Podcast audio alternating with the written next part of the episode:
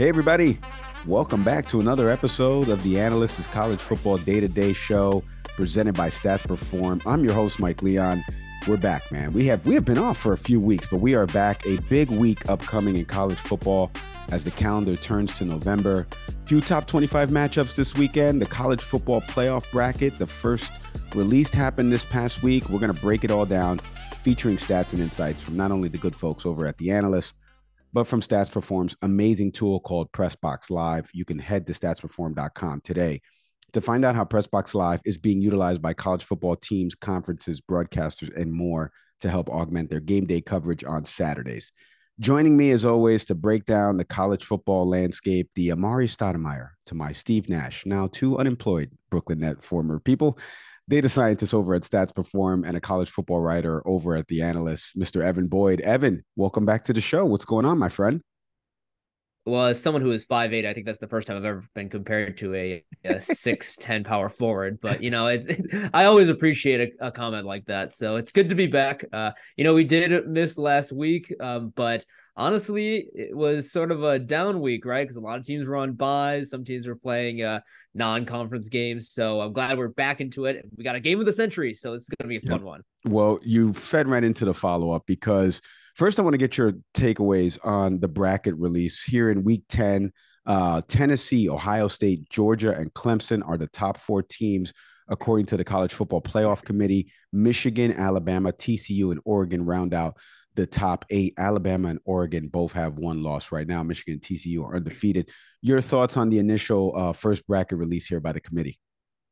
Yeah, two things. One, um, Clemson seems to be a little bit higher than I thought, despite their undefeated record. And we'll talk about this a little bit later, but uh, I really think that Clemson is performing better than what their uh, or worse than what their record shows because you know they had some close wins. They've had some uh you know really close games. We saw with that game against Syracuse that they basically had to crawl their way out in the fourth quarter to win that game. But you know still credit to them for winning these games and coming back. But if we see you know compared to those other teams like Ohio State which is just blowing out teams um, you know, I want to see some more from Clemson. We'll see how it'll shake up as we uh, prevail through the next couple of weeks. But one other thing I want to mention is that I feel like this is a rough spot for Michigan because Michigan is playing great football right now, and to not be in that top, you know, threshold, I think really hurts them because they're going to have a very tough game at Ohio State. And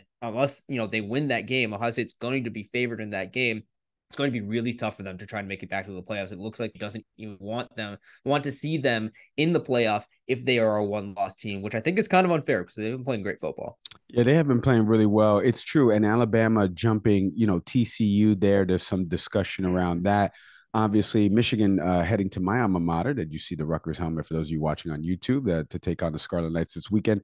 Let's dive into you said game of the century. You know, this always happens in college football, and it's kind of why not that I'm opposed to a bigger playoff that will be expanding in a few years, but you get matchups like this throughout the season where they're playoff like games. And you have it in this first matchup coming up this Saturday, the first game we're going to preview here as the Volunteers head to Athens, Georgia to take on the Georgia Bulldogs. I mean, a matchup of undefeated teams, both teams 8 and 0. The winner's going to be in the driver's seat uh, for the SEC East, and whoever they'll face out of the West. We'll probably get into that in a sec with Alabama and LSU.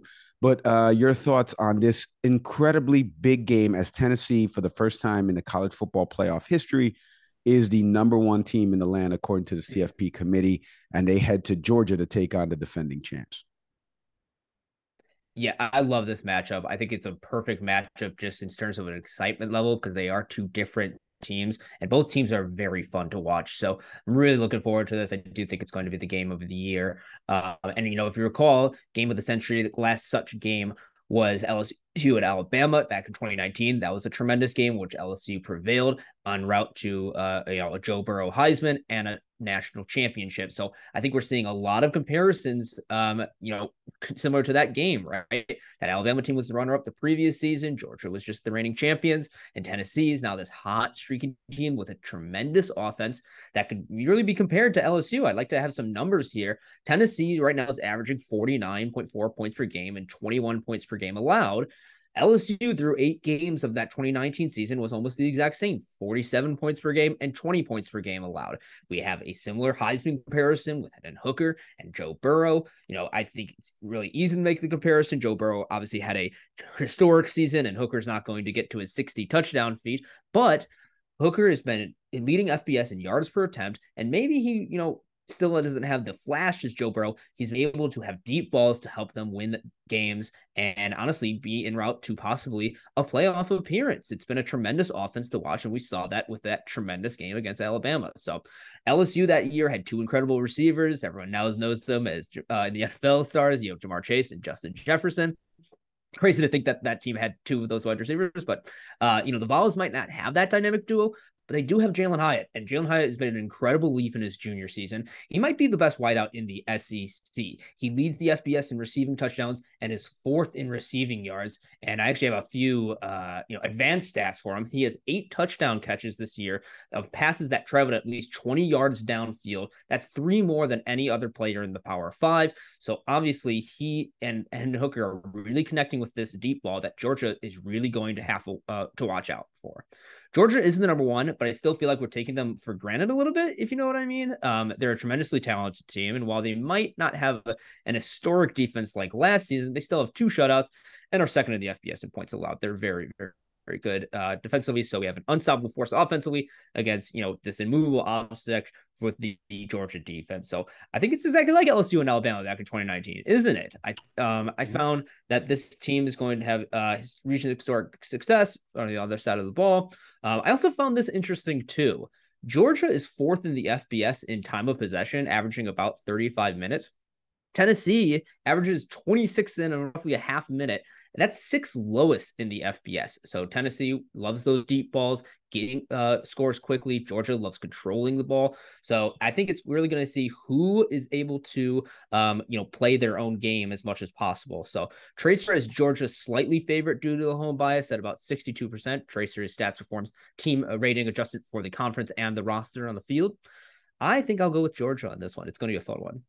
You know, it's funny. I was as you were saying that, and I was going to ask you for your prediction. You gave it already with Georgia winning, but one thing to watch for in this matchup, in my opinion, is Tennessee's defense. You know, Trevon Flowers, uh, Hayden both have two interceptions. The Vols have nine interceptions on the year. That's ranked 22nd in the FBS right now. They held uh, Kentucky last week to six points in a 44 to 6 trouncing. They went to LSU and they won 40 to 13, 19 combined points in those two SEC games.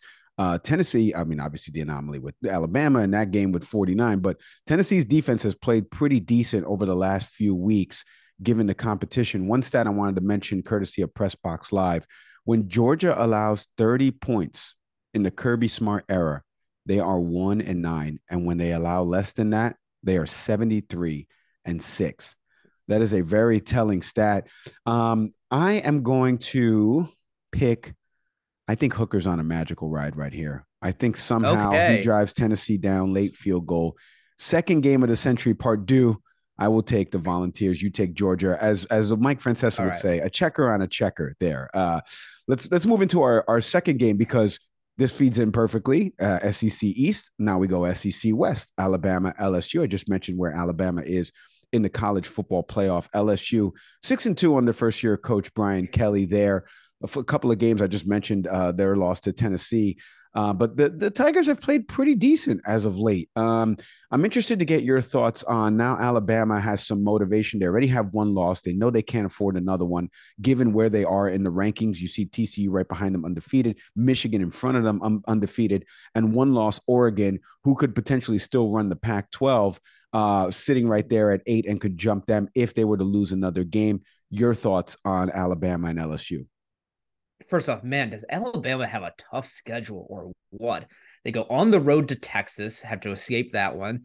Went to Tennessee on the road. You know, they almost even won that one. That was a tremendous game. Even to Arkansas, we thought Arkansas was going to be really good at the time of the game. And now to LSU, that's a really tough schedule. And props to Nick Saban and this team for really stepping up and being able to escape or at least come close to it. Being a one loss team in this schedule, I think is very impressive. I really do. So, uh, Alabama's defense really came back after showing, you know, 52 points to Tennessee. They allowed six to Mississippi State. The Bulldogs uh, entered that game averaging over 35 points per game. So, we see that they really did a good job stopping with it. Um, I am a little curious about the Alabama offensive line right now. Uh, the running game was not great um, against Mississippi State, and they did were able to get uh, to Bryce Young a little bit. So I'm curious to see if there's something going on there. Maybe LSU can take advantage of it.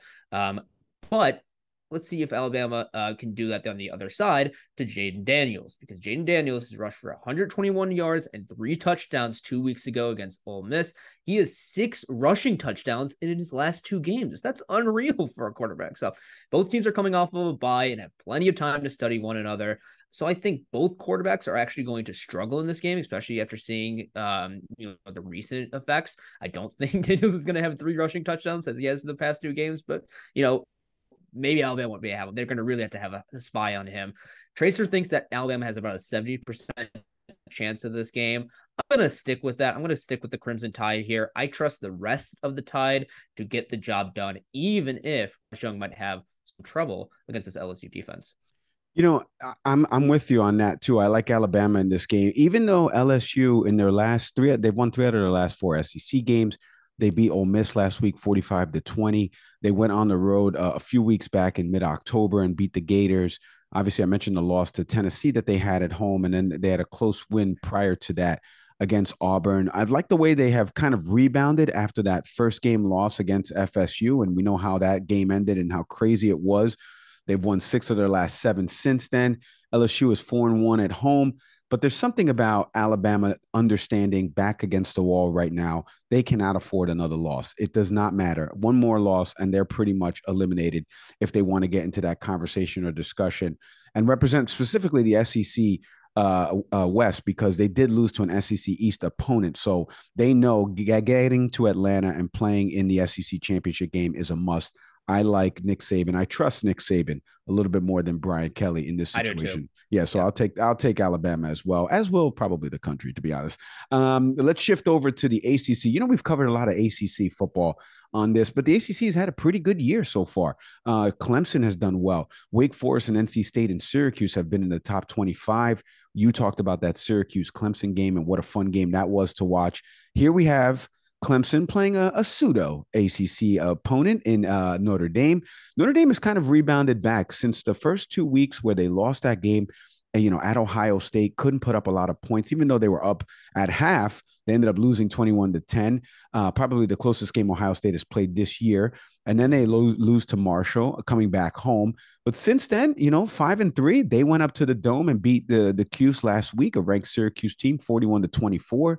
Before that, they, have obviously uh, beat UNLV. They beat BYU at home. Um, so Notre Dame has kind of bounced back, even though they're five and three right now. This is a night game up there, uh, you know, in Indiana. Clemson, you mentioned 8 and 0. They're number 3 right now in the college football playoff ranking, but a tricky 8 and 0, right? Struggling mm-hmm. to to barely hang on to beat Clemson. Same thing with Florida State. They went down to the Doak and won a 6-point game there.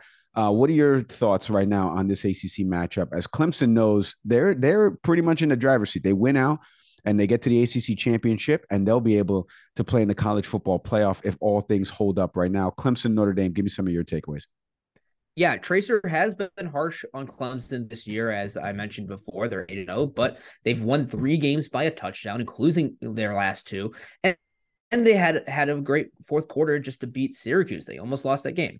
And while we like teams like Wake Forest, Florida State, and uh, you know, just some of those other teams that Clemson has played, Syracuse, um, all of those teams within the top 30 in the uh, country in terms of TRACR, you know, Clemson had to go on the road twice for those games and one at home. And so seeing them win all three of those games is a bit surprising because the ACC is on the rise this year. But it does help that they are balanced on both sides of the ball. But if one side falls in a game, can the other one make up for it? I'm not exactly sure about that.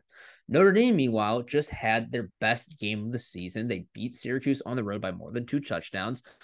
Does that mean the Irish on the rise? I don't know because they did. Remember, we saw this earlier in the season. They beat North Carolina, they beat BYU. It seemed like they got everything together, and then they lose at home to Stanford. And it's like, well, okay, Irish, what are you doing right here? But the defense really stepped up against Syracuse. They made a huge statement early on in that game. With the first play of the game being a pick six, and they never really looked back from there. So I think they might have to do something exactly like that in order to beat Clemson. One other thing Special teams has been really good for Notre Dame this year.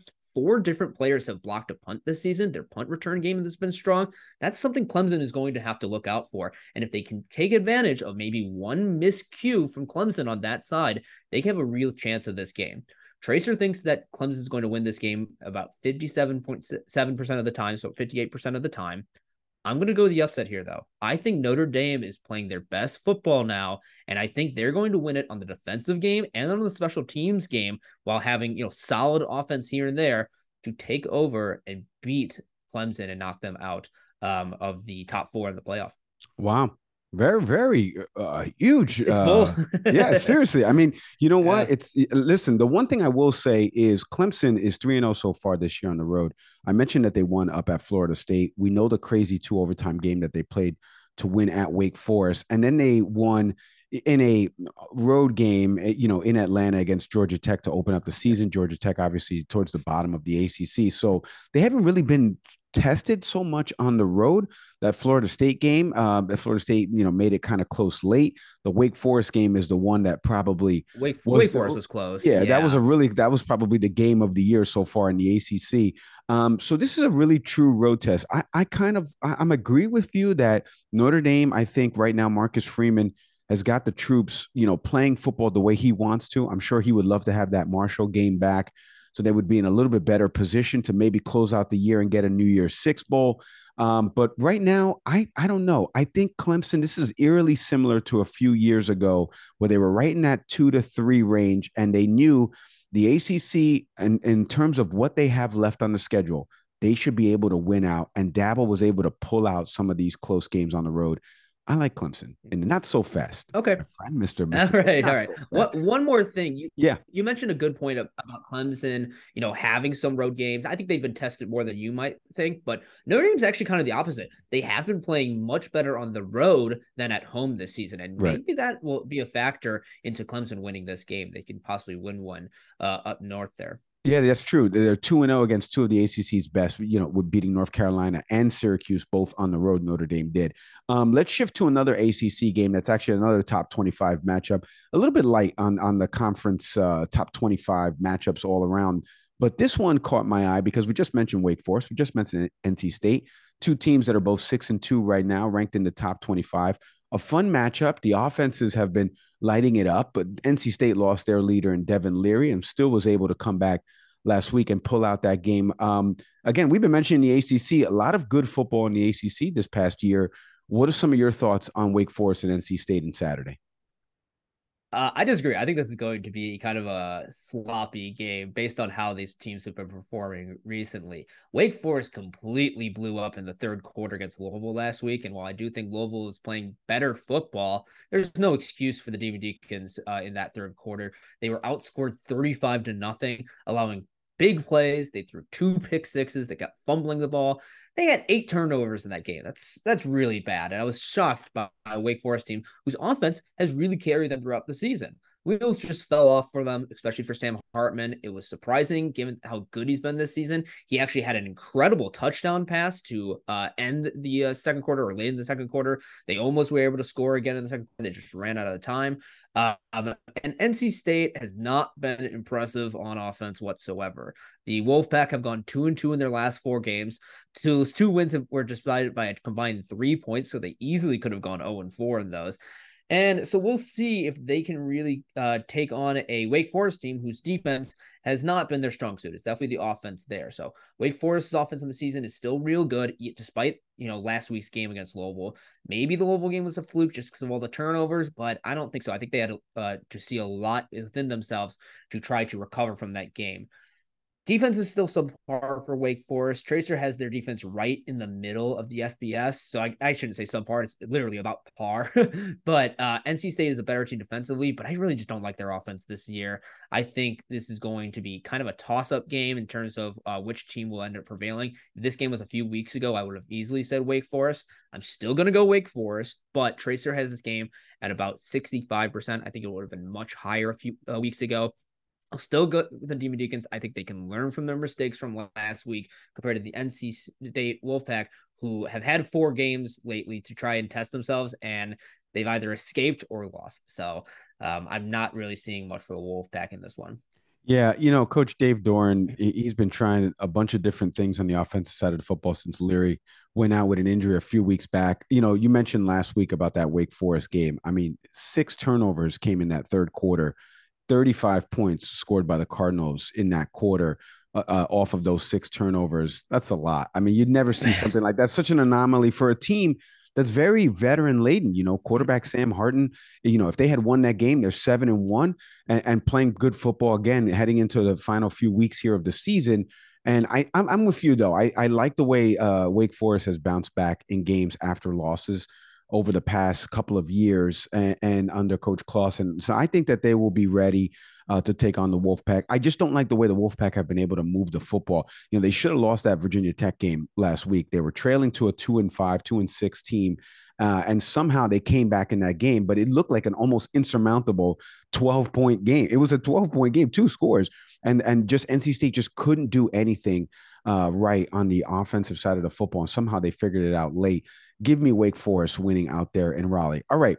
Before we wrap up here, Evan, uh, a matchup to watch, something you got your eye on for this Saturday in college football. We talked about the the college football playoff and the rankings, the big matchups in the SEC and ACC. What's a game that you're watching uh, for this Saturday? I'm surprised we didn't even talk about Texas and Kansas State. Uh, Tex, you know, maybe it's just because of the records, but especially after last week, Kansas State is one of those teams to really watch out for. Texas is one of those teams whose record really doesn't show their true talent. They're five and three, but they rank seventh in TRACR actually. And that why? Because they've beaten the teams they should beat. They've crushed teams that might have come as a surprise, and they've only lost close games. Their three losses have been up by a combined 11 points. And one of those games was to Alabama, which they nearly won.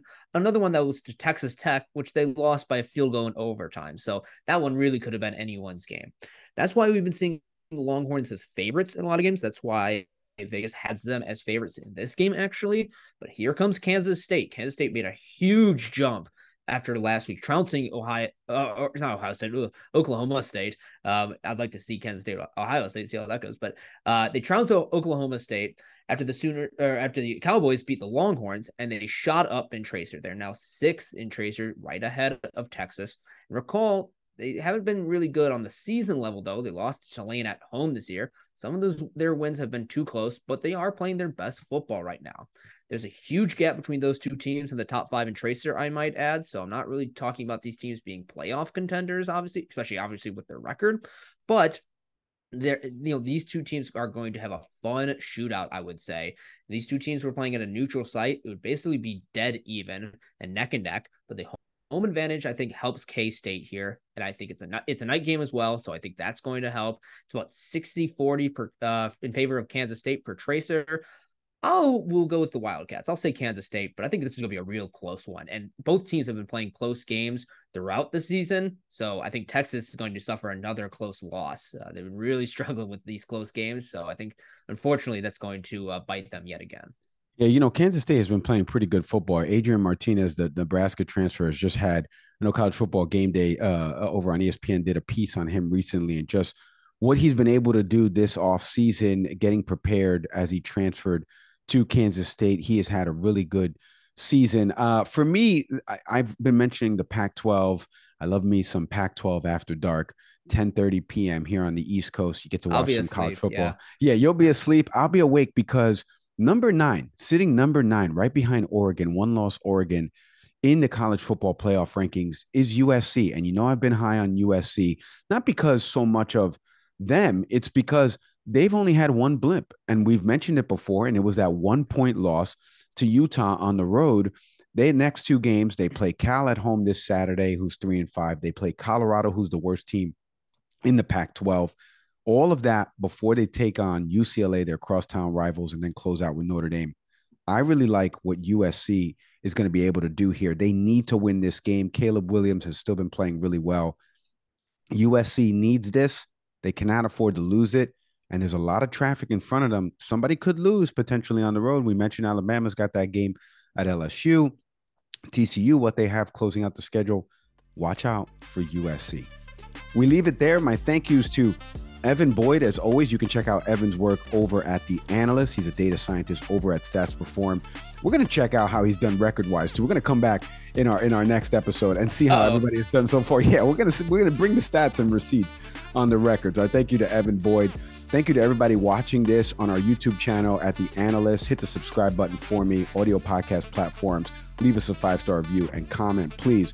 We'll see everybody next time. Enjoy the college football Saturday for Evan Boyd. I am Mike Leon. We'll see you next time.